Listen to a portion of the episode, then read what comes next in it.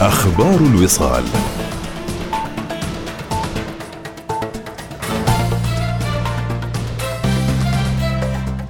أهلا بكم استقبل صاحب السمو السيد فهد بن محمود السعيد نائب رئيس الوزراء لشؤون مجلس الوزراء في مكتبه امس سعادة عجلان بن عبد العزيز العجلان رئيس اتحاد غرف دول مجلس التعاون وأمين عام اتحاد الغرف الخليجية وأعضاء الاتحاد المشاركين في الاجتماع الثامن والخمسين لمجلس إدارة اتحاد غرف التجارة والصناعة الخليجي والذي تستضيفه سلطنة عمان.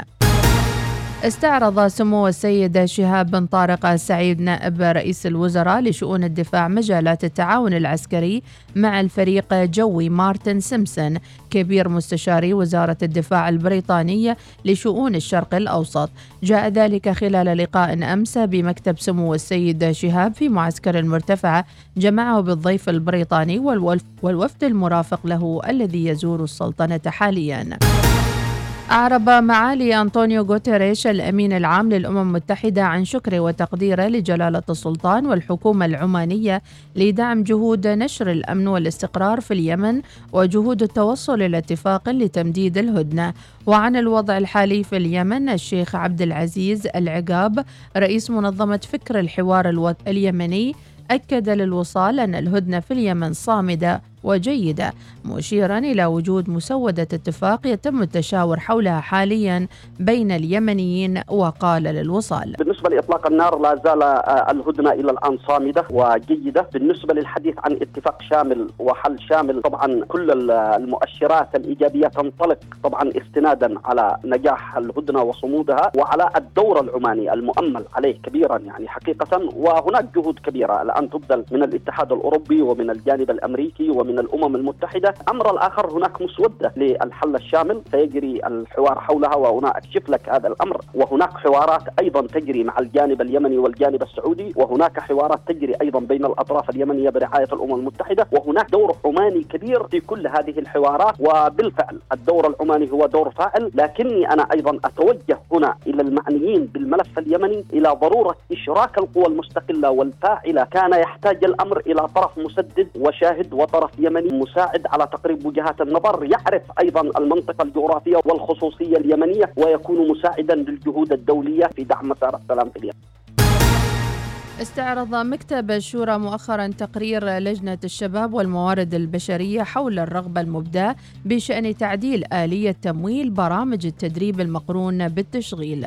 وقرر إدراج التقرير على جدول أعمال جلسة المجلس المقبلة. سعادة سلطان الحوسني نائب رئيس اللجنة مبدي الرغبة أوضح للوصال رؤيته حول برامج التدريب المقرون بالتشغيل داعيا إلى إعادة النظر في هذه البرامج وقال للوصال.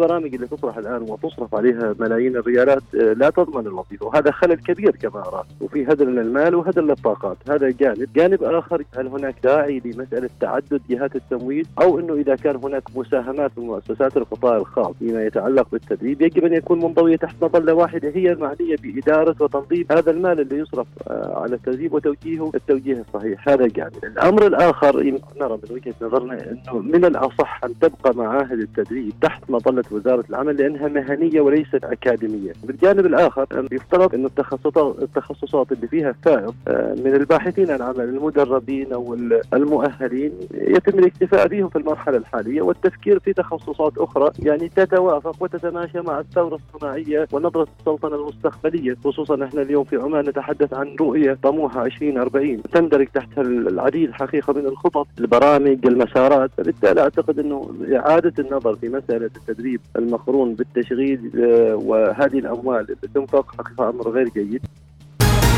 أقام بنك مسقط مساء أمس حفل الإعلاميين السنوي وأتى الحفل هذا العام تزامنا مع احتفالات بنك مسقط بمسيرة أربعين عاما من التقدم والنجاح. وقال الشيخ وليد الحشار رئيس بنك مسقط قال للوصال آه، مسيرة بنك مسقط خلال الأربع عقود الماضية والحمد لله مسيرة ناجحة وكانت هذه المسيرة ناجحة بمؤازرة ومساندة القطاع الإعلامي آه، والصحافة في السلطنة لنا خلال الأربع عقود. لهم الشكر ولهم التقدير وهذه الأمسية هي لذلك لشكرهم وتقديرهم وكذلك نقول لهم أن نحن مستمرين في هذا المسار مستمرين في شراكتنا معهم ومتاملين أن إن شاء الله ستكون هناك العديد من النجاحات في المستقبل بمؤازرتهم ومساندتهم ونجاحنا معهم إن شاء الله مستمر. وقعت سلطنة عمان وجمهورية أندونيسيا اتفاقية النقل الجوي التي تهدف إلى تنظيم الجو... الجوانب التشغيلية والفنية لزيادة الحركة الجوية بين مطارات البلدين الصديقين.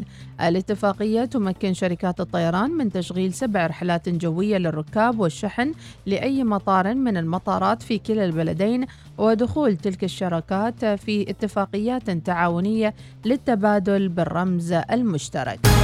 انتهت النشرة. مزيد من الأخبار المتجددة رأس الساعة القادمة. شكرا لمتابعتكم وإلى اللقاء.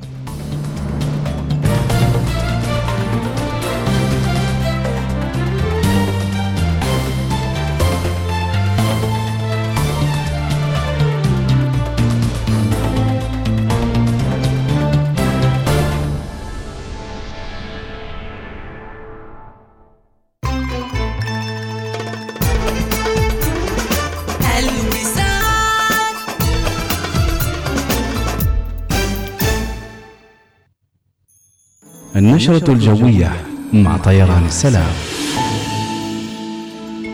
أجواء جميلة متابعينا وويكند سعيد نتمناه لكل من يتابع الإذاعة الأولى الوصال في كافة الأوقات والبرامج المتنوعة. الخميس السادس عشر من ذي القعدة الموافق السادس عشر من يونيو 2022 تباشير الموسم السياحي بمحافظة ظفار تبدأ حيث بدأ الرذاذ بالتدفق على ولاية ظلكوت يوم أمس. أما الطقس بشكل عام فهو صحو إلى قائم جزئيا على الشريط الساحلي لمحافظة ظفار مع تساقط الرذاذ المتقطع. وصحب وجه عام على بقية المحافظات مع فرص تشكل السحب الركامية وهطول أمطار متفرقة رعدية أحيانا مصحوبة برياح نشطة أما البحر متوسط إلى هاج الموج على سواحل البحر العربي يصل أقصى ارتفاع إلى ثلاثة أمتار وهادئ إلى متوسط الموج على بقية السواحل. درجة الحرارة في مسقط العظمى 40 والصغرى 30 درجة في صلالة 32 28 درجة في صحار 40 29 درجة في نزوى 41 27 درجة في صور 40 29 درجة في البريمي 44 30 درجة وفي الدقم 36 27 درجة. أما اللي حابين يغيروا جو يحجزوا لوجهتهم القادمة إلى بوكيت في تايلاند. ما عليكم إلا أنكم تحجزوا مع طيران السلامة. سافر مع طيران السلام إلى باكو وسراييفو واسطنبول وطرابزون والبورصة وطهران وبوكيت والإسكندرية. طيران السلام. ببساطة من عمان. أشوفك جالس تتجهز وين رايح؟ العاملة محتاجة ترسل مبالغ لأهلها فقلت أروح أخلص الموضوع. ما بطول ساعة تقريبا وراجع. طيب ما محتاج تروح مكان عشان تحول؟ تقدر تنجز هالمعاملة بخطوات بسيطة وفي الحال. عن طريق الخدمات المصرفية للهاتف النقال أو الإنترنت من بنك مسقط.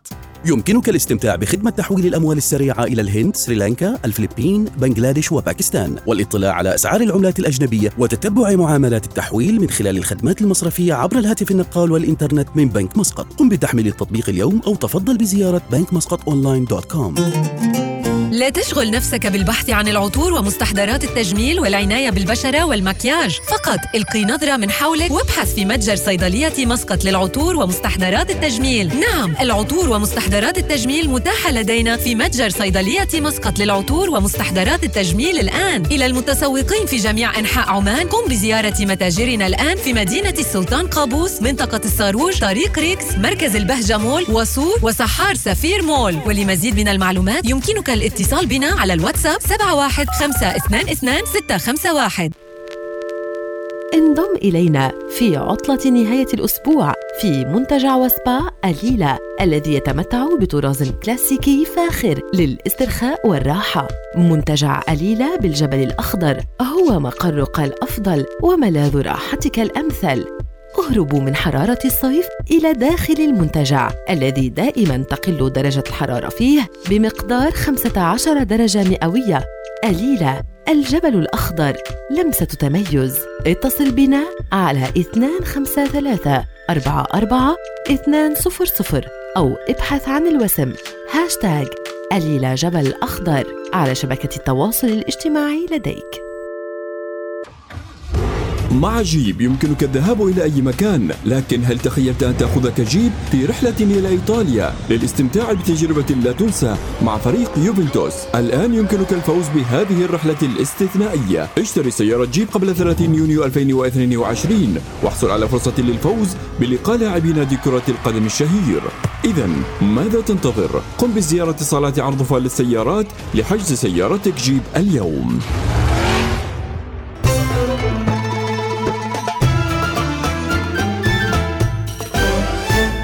الوصال الإذاعة الأولى.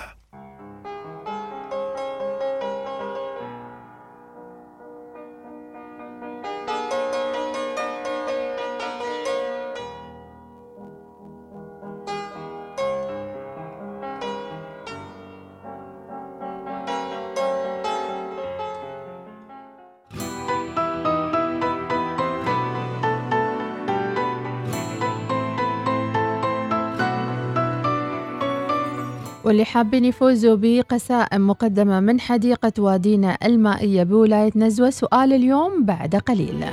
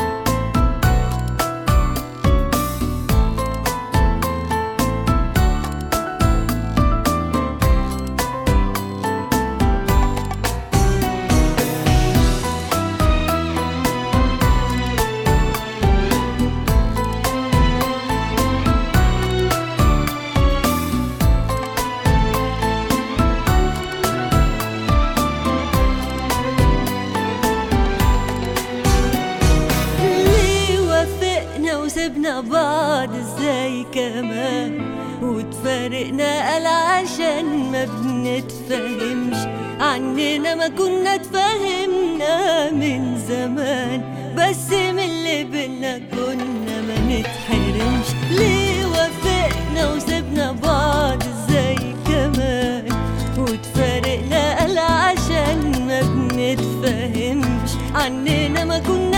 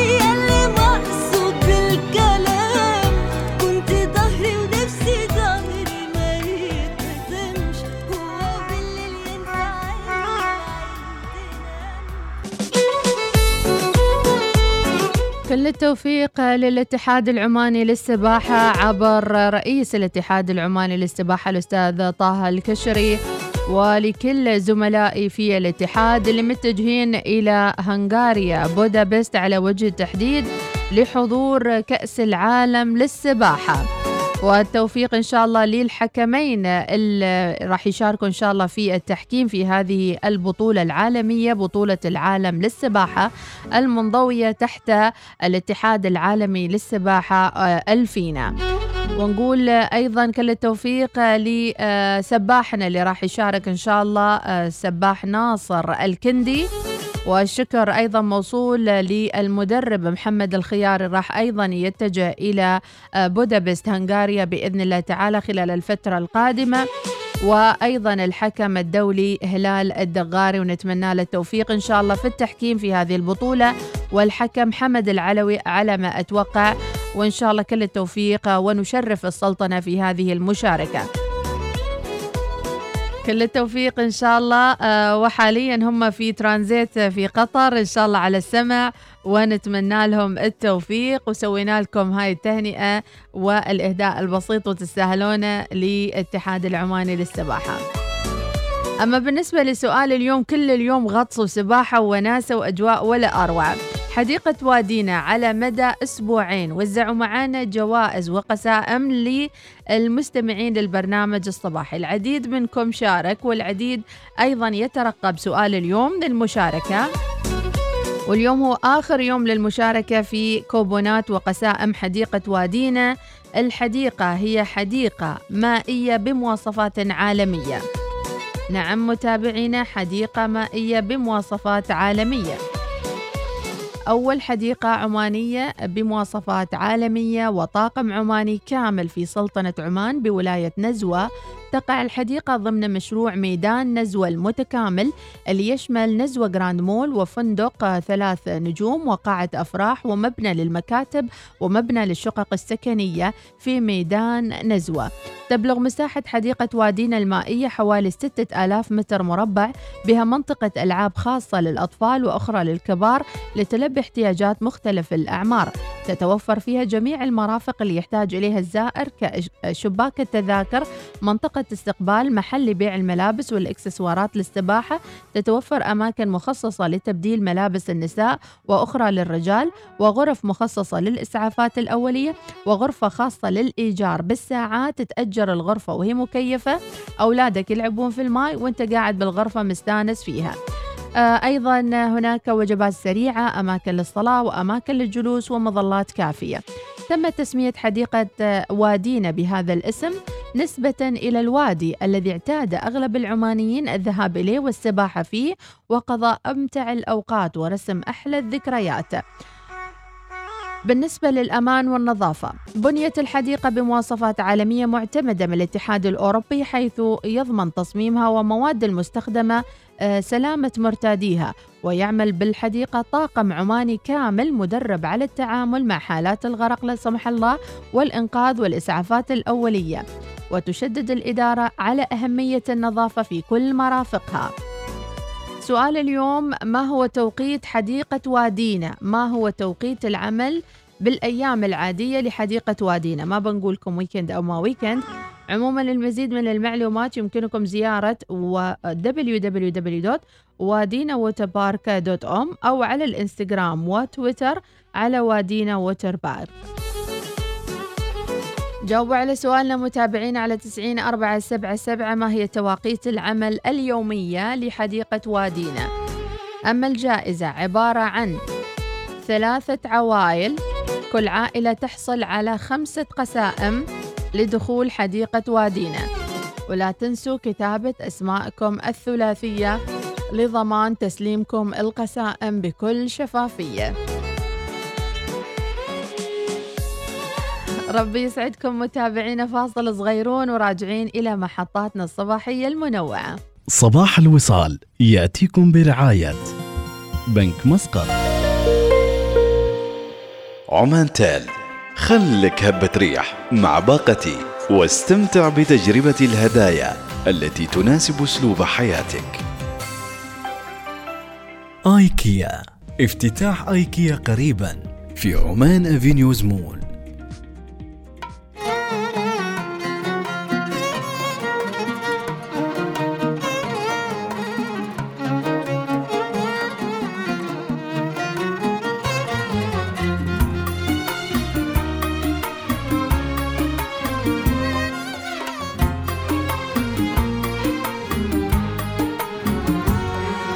والهان أنا والهان والوقت محسوب.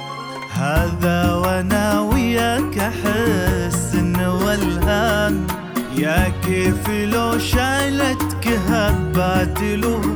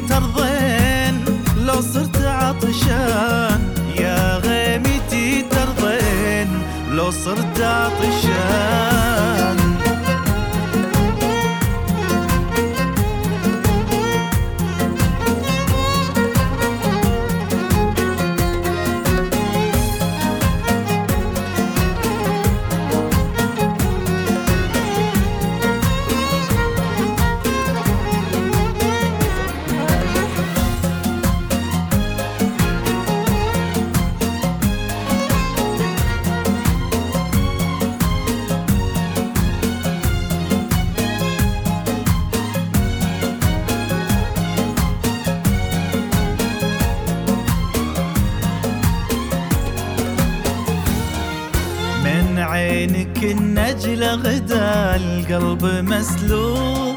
يا كوكب دري ضوى نورك عيان. نورك على نورك طفى شمس الغروب. وحدك لكل النور قبله وعنوان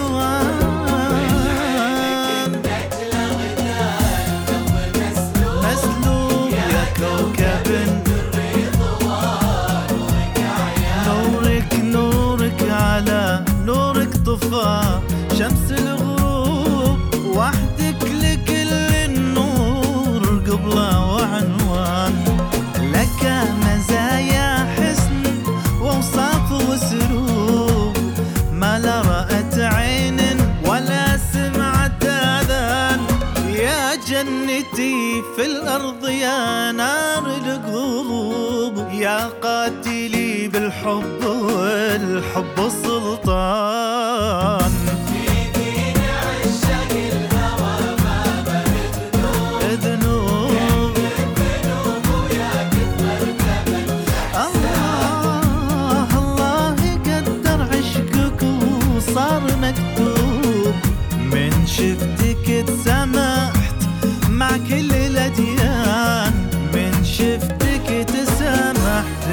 مع كل الأديان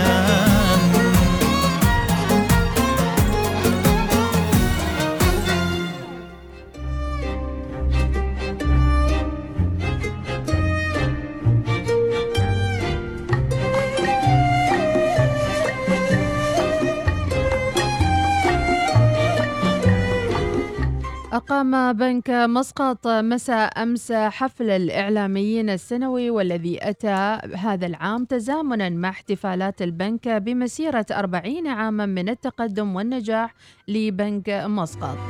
وقد صرح الشيخ وليد الحشار رئيس بنك مسقط للوصال في هذه الاحتفالية بأهمية الشراكة مع وسائل الإعلام المختلفة والتي كان لها دورا بارزا أيضا في تحقيق الأهداف الوطنية المنشودة لبنك مسقط. نستمع لهذا التصريح للشيخ وليد الحشار الرئيس التنفيذي لبنك مسقط للوصال. آه، مسيرة بنك مسقط خلال الأربع عقود الماضية والحمد لله مسيرة ناجحة وكانت هذه المسيرة ناجحة بمؤازرة ومساندة القطاع الإعلامي آه، والصحافة في السلطنة لنا خلال الأربع عقود. لهم الشكر ولهم التقدير وهذه الأمسية هي لذلك لشكرهم وتقديرهم. وكذلك نقول لهم أن نحن مستمرين في هذا المسار مستمرين في شراكتنا معهم ومتأملين أن إن شاء الله ستكون هناك العديد من النجاحات في المستقبل بمؤازرتهم ومساندتهم ونجاحنا معهم إن شاء الله مستمر. وقد سررنا حقيقة كوسائل إعلام مختلفة وعبر الإذاعة الأولى في تواجدنا في هذه الأمسية التي حفتنا فيها بنك مسقط بالحفاوة وأيضا بلقاء زملائنا بعد انقطاع دام سنتين بسبب جائحة كوفيد 19 فأجمل تحية لكل العاملين في القطاع الإعلامي كل المؤسسات الأخرى التي تسعى لبناء هذا الوطن عبر إيصال الرسالة الإعلامية الهادفة والشراكة الحقيقية مع الوسائل المختلفة والشركات والمؤسسات في رفعة هذا الوطن. وياكم مستمرين وأجمل تحية أيضا لأصدقائنا وزملائنا الصحفيين المصورين الإعلاميين المحررين الكتاب كل من حضر يوم أمس. شعرنا فعلا بأهمية هذه الأيام آه، الخاصة بالإعلاميين لالتقائنا وعودة أيضا معرفتنا بالزملاء الجدد الذين انضموا خلال الفترة الماضية للمجال الإعلامي ونوجه لهم كل التحية ونتمنى لهم مزيد من العطاء للوسائل الإعلامية لسلطنتنا الغالية. شكرا لبنك مسقط مجددا ونتمنى لهم المزيد من العطاء والتميز.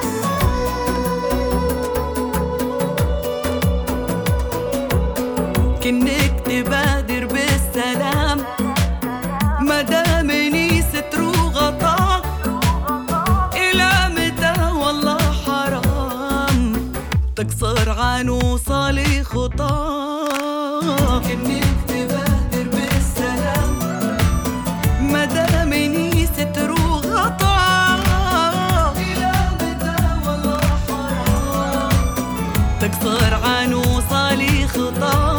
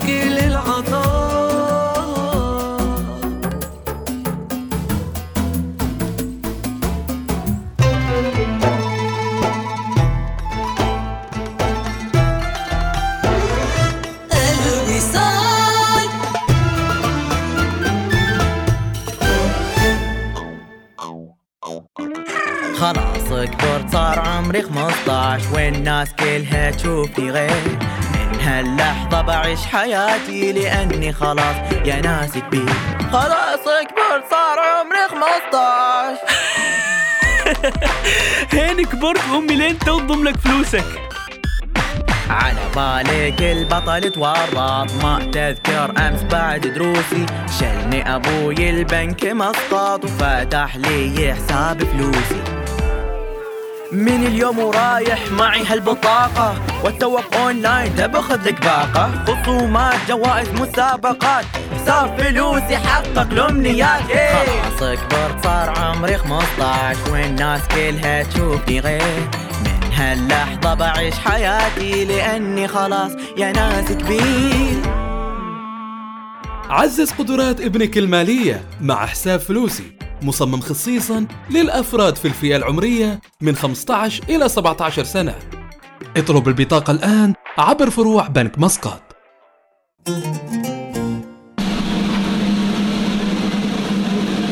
خمسة وعشرين ألف متر مربع. كل هذا آيكيا. آيكيا.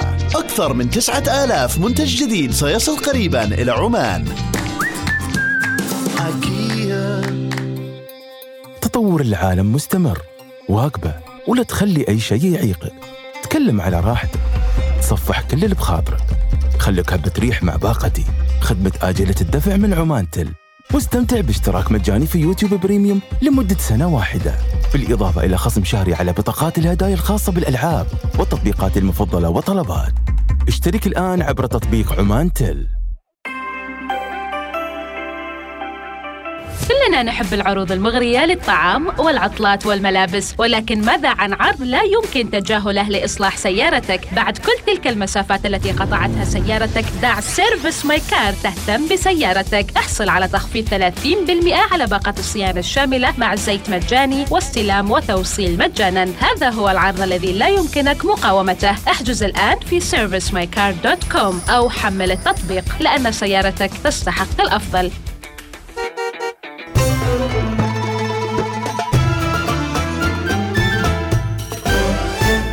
الوصال الإذاعة الأولى.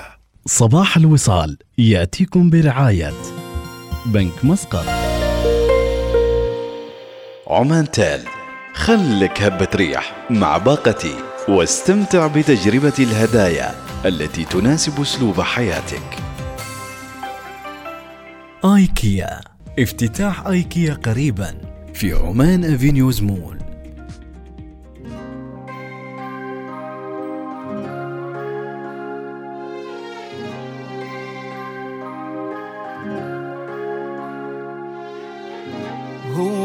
عشان أنا قلبي طيب تجرحوني واشتريكم وانتوا ببلاش بتبيعوني. هو عشان أنا قلبي طيب تجرحوني واشتريكم وانتوا ببلاش بتبيعوني. القاسية ما كانش ليها مكان في قلبي. وانتوا باللي عملتوا فيا قسيتوني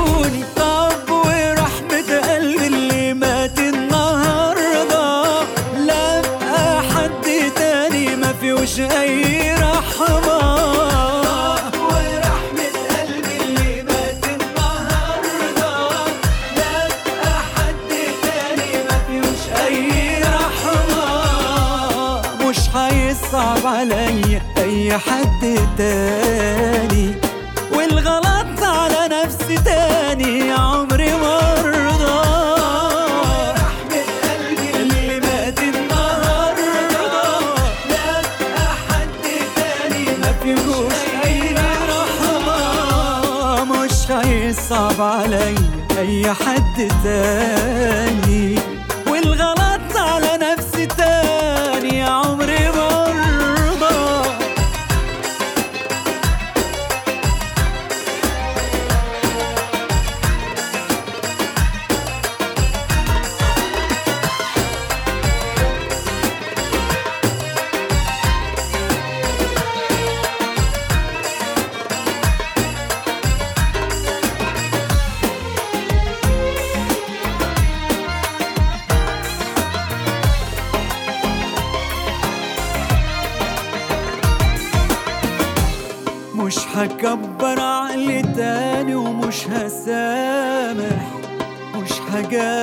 حد لا أنا أبقى جارح مش هكبر عقلي تاني ومش هسامح.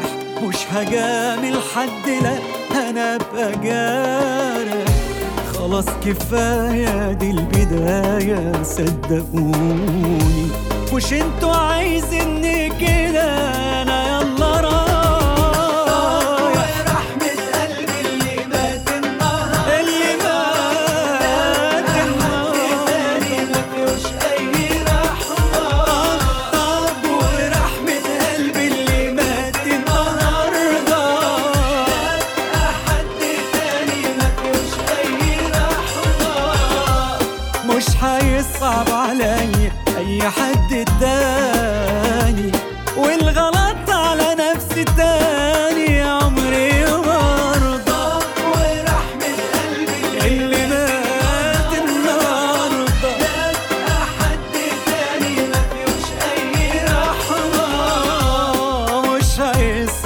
علي أي حد تاني.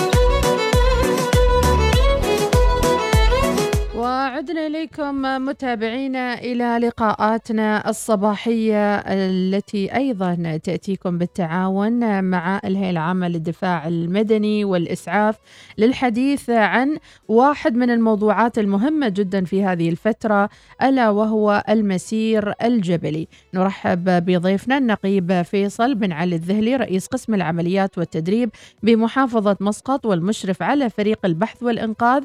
أهلا وسهلا فيك نقيب فيصل. أهلا وسهلا فيكم جميعا وبجميع المستمعين. لك ربي يعطيكم العافية. إذا أكيد هناك الكثير من الأشياء التي سنكشفها لمتابعينا اليوم حول ظاهرة يمكن أن تكون هي موجودة ولكن زادت خلال الفترة الأخيرة ألا وهي المسير الجبلي. فلو تعطينا بداية ماذا يقصد بالمسير الجبلي؟ طيب بداية أسعد الله صباحكم بكل خير. جميعا رياضة المسير الجبلي هي أحد الرياضات التي تنطوي على الرحلات والاستكشاف والتي تتخللها درجات معينة من المخاطر وقد تتطلب هذه الرياضة مهارات خاصة ومجهود بدني. نعم. إذا هي رياضة وليست نوع من الهواية إن كل واحد شاف نفسه ملان أو عنده يعني وقت فراغ يطلع ويصير المسير جبلي. هي هواية ويعني نشاط رياضي محدد بمعايير محددة أيضا. صحيح هي رياضة كحالها حال الرياضات الأخرى ولكن نقول ممكن هي رياضة متخصصة تتطلب بعض المهارات واللياقة البدنية العالية بحسب نوع المسار. نعم. طبعا هناك مسارات محددة مسارات جبلية منها المعروفة وغير المعروفة. كيف يمكن الواحد يحدد أنه راح يمشي في هالمسار أو في مسار آخر؟ طيب آه، المسارات عندنا كثيرة. إنها تكون بين الجبال أو بين الأودية.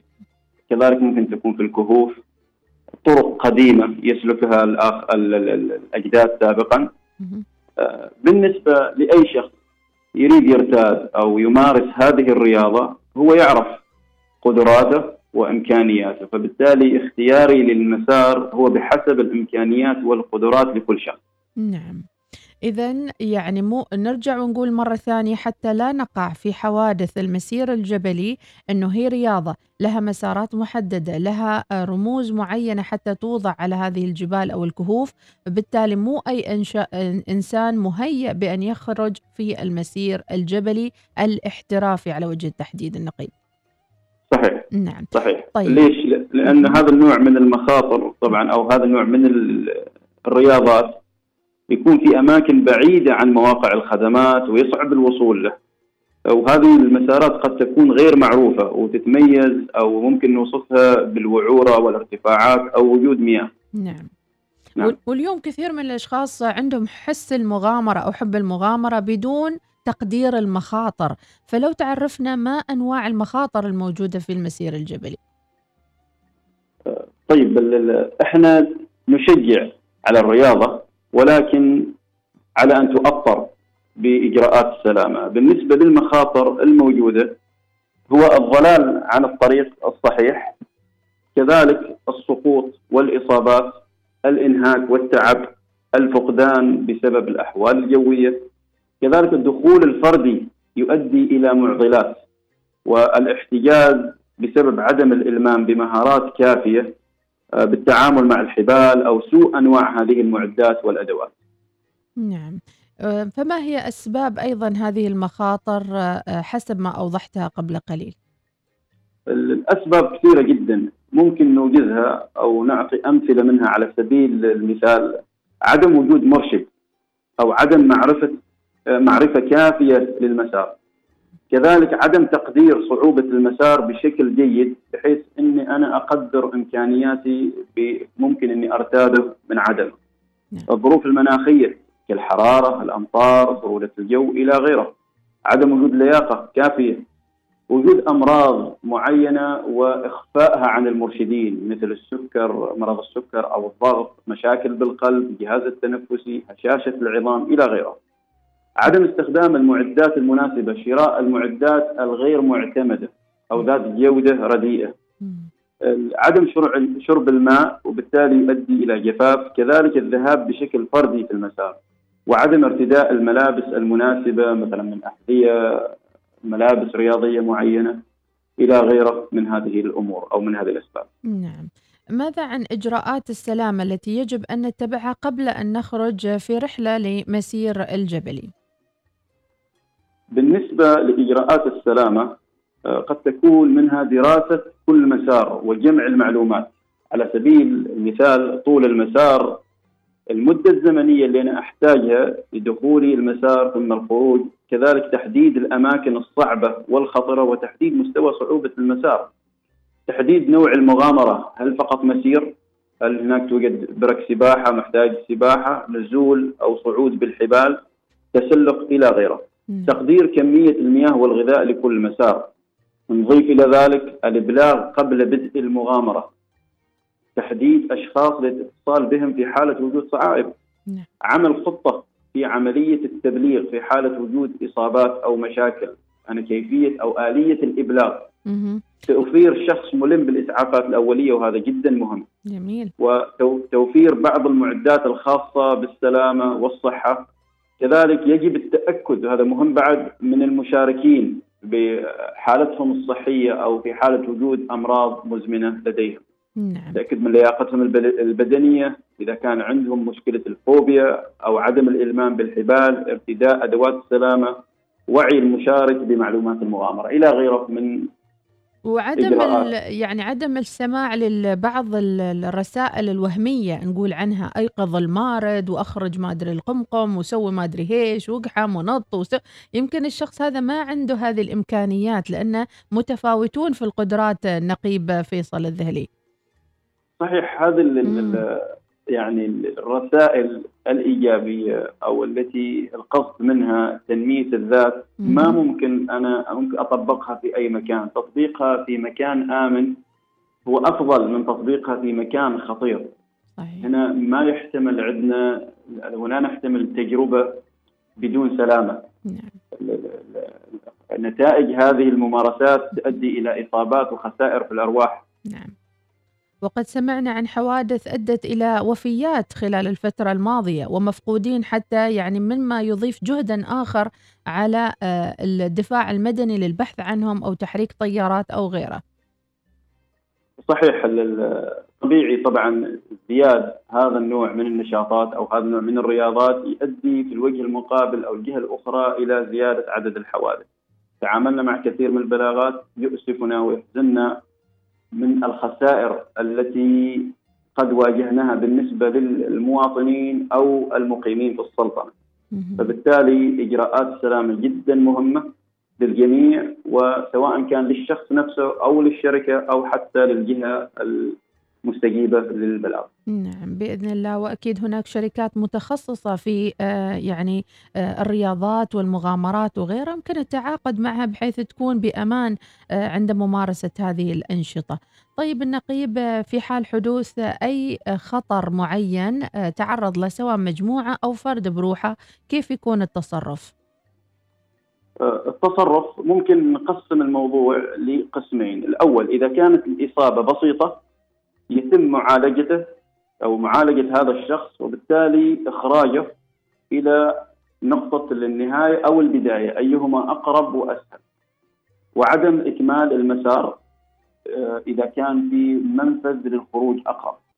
أما إذا كانت الاصابه بليغة ويصعب التعامل معها طبعا هنا لازم ننقل المصاب إلى مك- مكان آمن في حاله نكون في مكان غير آمن لأن أنا ما أعرف متى وصول الجهة المستجيبة أو ال- ال- الإسعاف أو المساعدة بحسب طول المسار.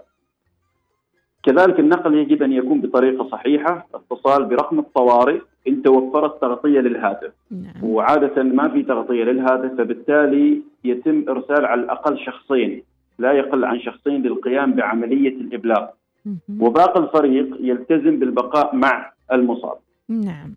الإبلاغ عن لماذا لماذا شخصين يذهبان للإبلاغ؟ طبيعي أي مكان في خطورة. الدخول الفردي يعتبر نوع من إجراءات الغير صحيحة في جانب السلامة.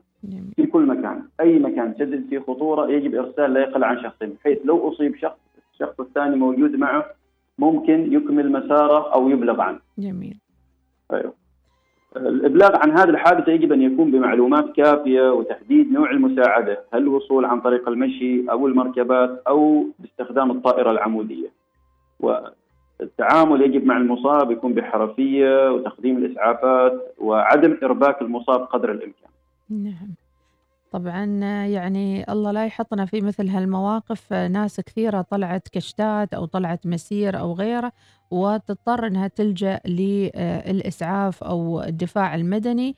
ولكن هناك أيضا أرقام مفتوحة بالنسبة لكم لطلب المساعدة الفورية في حال وقعوا بحادث. صحيح الأرقام موجودة سواء رقم رئاسة شرطة عمان السلطانية اللي هو أربع تسعات أو الرقم الطوارئ الخاص بهيئة الدفاع المدني والإسعاف اللي هو رقم العمليات أو رقم آه، غرفة عمليات هيئة الدفاع المدني والإسعاف. جميل أيضا آه، يعني النقيب فيصل بن علي الذهلي ممكن أن نضع خطة إنقاذ قبل التوجه إلى المسير قبل ما يدخلوا كلهم هم المجموعة يضعوا خطة إنقاذ. والله إذا صار ترى هذه الخطة واحد اثنين ثلاثة مكتوبة والمسار واضح ومحدد. لا يكون واحد منهم ما عارف هم وين أصلا ويعتمد على المجموعة مثلا وي- ويغوى عنهم أو يضيع عنهم وما يعرف هو وين. صحيح. أنا أنا أشرت لهذا الجانب وهذا جانب جدا مهم، بعض من الشركات أو كل شركة المعتمدة عندهم خطة في عملية التبليغ في حالة وقوع أي حادثة، هم يعرفوا وين الأماكن الخروج، أماكن الدخول، أيها أقرب، الشخص اللي راح يتحرك والذي سوف يعني يتم إبلاغه في حالة وجود أي حادث وحتى عدد أو أو أو الوقت المحدد متى أنا ممكن أبدأ بطلب المساعدة من جهات أو من سلطات أخرى. جميل جدا. أيضا حتى نقطة آه، يعني الوقت المستغرق للمسير قبل الغروب مثلا يكونوا كلهم طلعوا من المكان هذا حتى لا يبقوا في فترة الظلام مثلا هم بعض المسارات الجبلية طبعا يتخللها أن مسير يكون بالليل أو في مثلا نقول تخييم. لكن إحنا من ضمن نصائحنا أن حتى وإن كان الخروج قبل يعني الخطة انه يخرجوا قبل غروب الشمس يجب تكون عندي حقيبة فيها أدوات احتياطية في حالة صار اي طارئ مثل وجود مثلا نقول قداحة اللي هو كبريت أو ولاعة.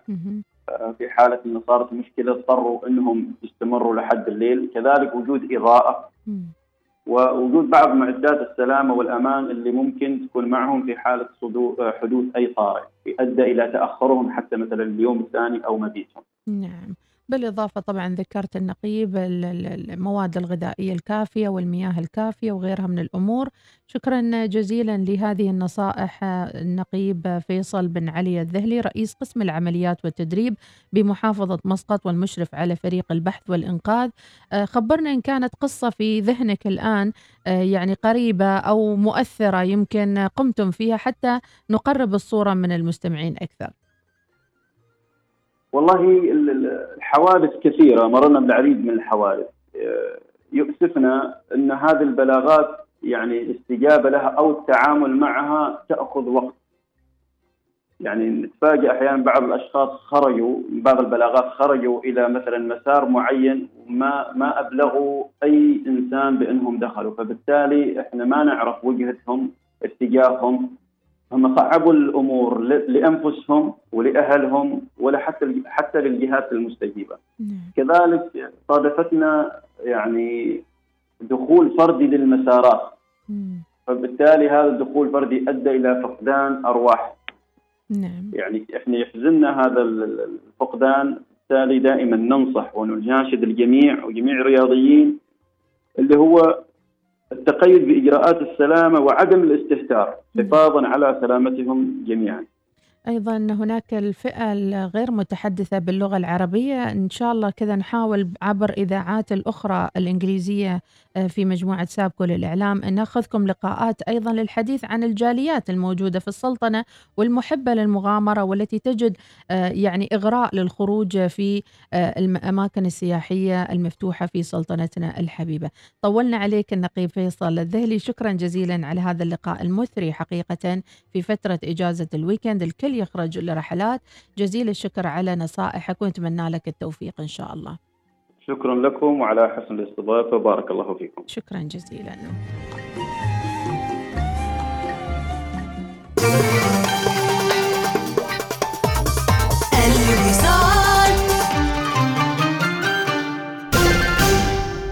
عرض حصري. استمتع ببيانات مجانية تصل إلى 4 تيرابايت من الجيل الخامس 5G عند الانتقال لباقات عماننا وشهري بلا توقف. أريد. استمتع بالإنترنت. يسعدنا تقديم خطة الدفع الميسر الذكية بنسبة فائدة 0% وبدون استمارة تقديم الطلب وبموافقة فورية. يمكنكم الاستفادة من الخطة عند استخدام بطاقة بنك ظفار الائتمانية للدفع في هومز راس. بنك ظفار، بنكك المفضل. تطبق الشروط والأحكام. الابتسامة تعبر عن آلاف الكلمات. معنا في مستشفى الخليج التخصصي تمتع بابتسامة مشرقة بالأقساط. تقويم الأسنان مع دكتورة زهراء العبدوانية وتعويض الأسنان المفقودة بالزراعة مع دكتورة ندي. اتصل على مستشفى الخليج التخصصي على 22 08 1700 واحصل على ابتسامة تخطف الأنظار. يمتلك صغيرك كل المهارات ليتجاوز توقعات الجميع. وفي مدرسة العالم الجديد العالمية نحن نهتم بمهارات طلابنا إلى أبعد الحدود. بدمجنا الفريد لمنهج كامبريدج وتطبيق مبدأ البكالوريا الدولية فإننا نسعى لصقل طلابنا ليكونوا مواطنين عالميين والذي يتماشى مع معاييرنا العالمية ذات الأصول السنغافورية. نحن هنا نكتشف الجزء الخلاق من كل طفل في المجالات المختلفة منها الأنظمة الرقمية الروبوتات والكثير الكثير من النشاطات الأخرى كالسباحة والدراما ودروس الرقص. التسجيل مفتوح الآن. للمزيد من المعلومات اتصل بنا على 24269800 أو على 7188 84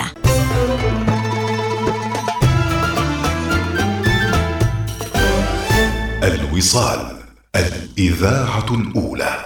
صباح الوصال يأتيكم برعاية بنك مسقط. عمان تال خلك هبة ريح مع باقتي واستمتع بتجربة الهدايا التي تناسب أسلوب حياتك. آيكيا افتتاح آيكيا قريبا في عمان أفينيو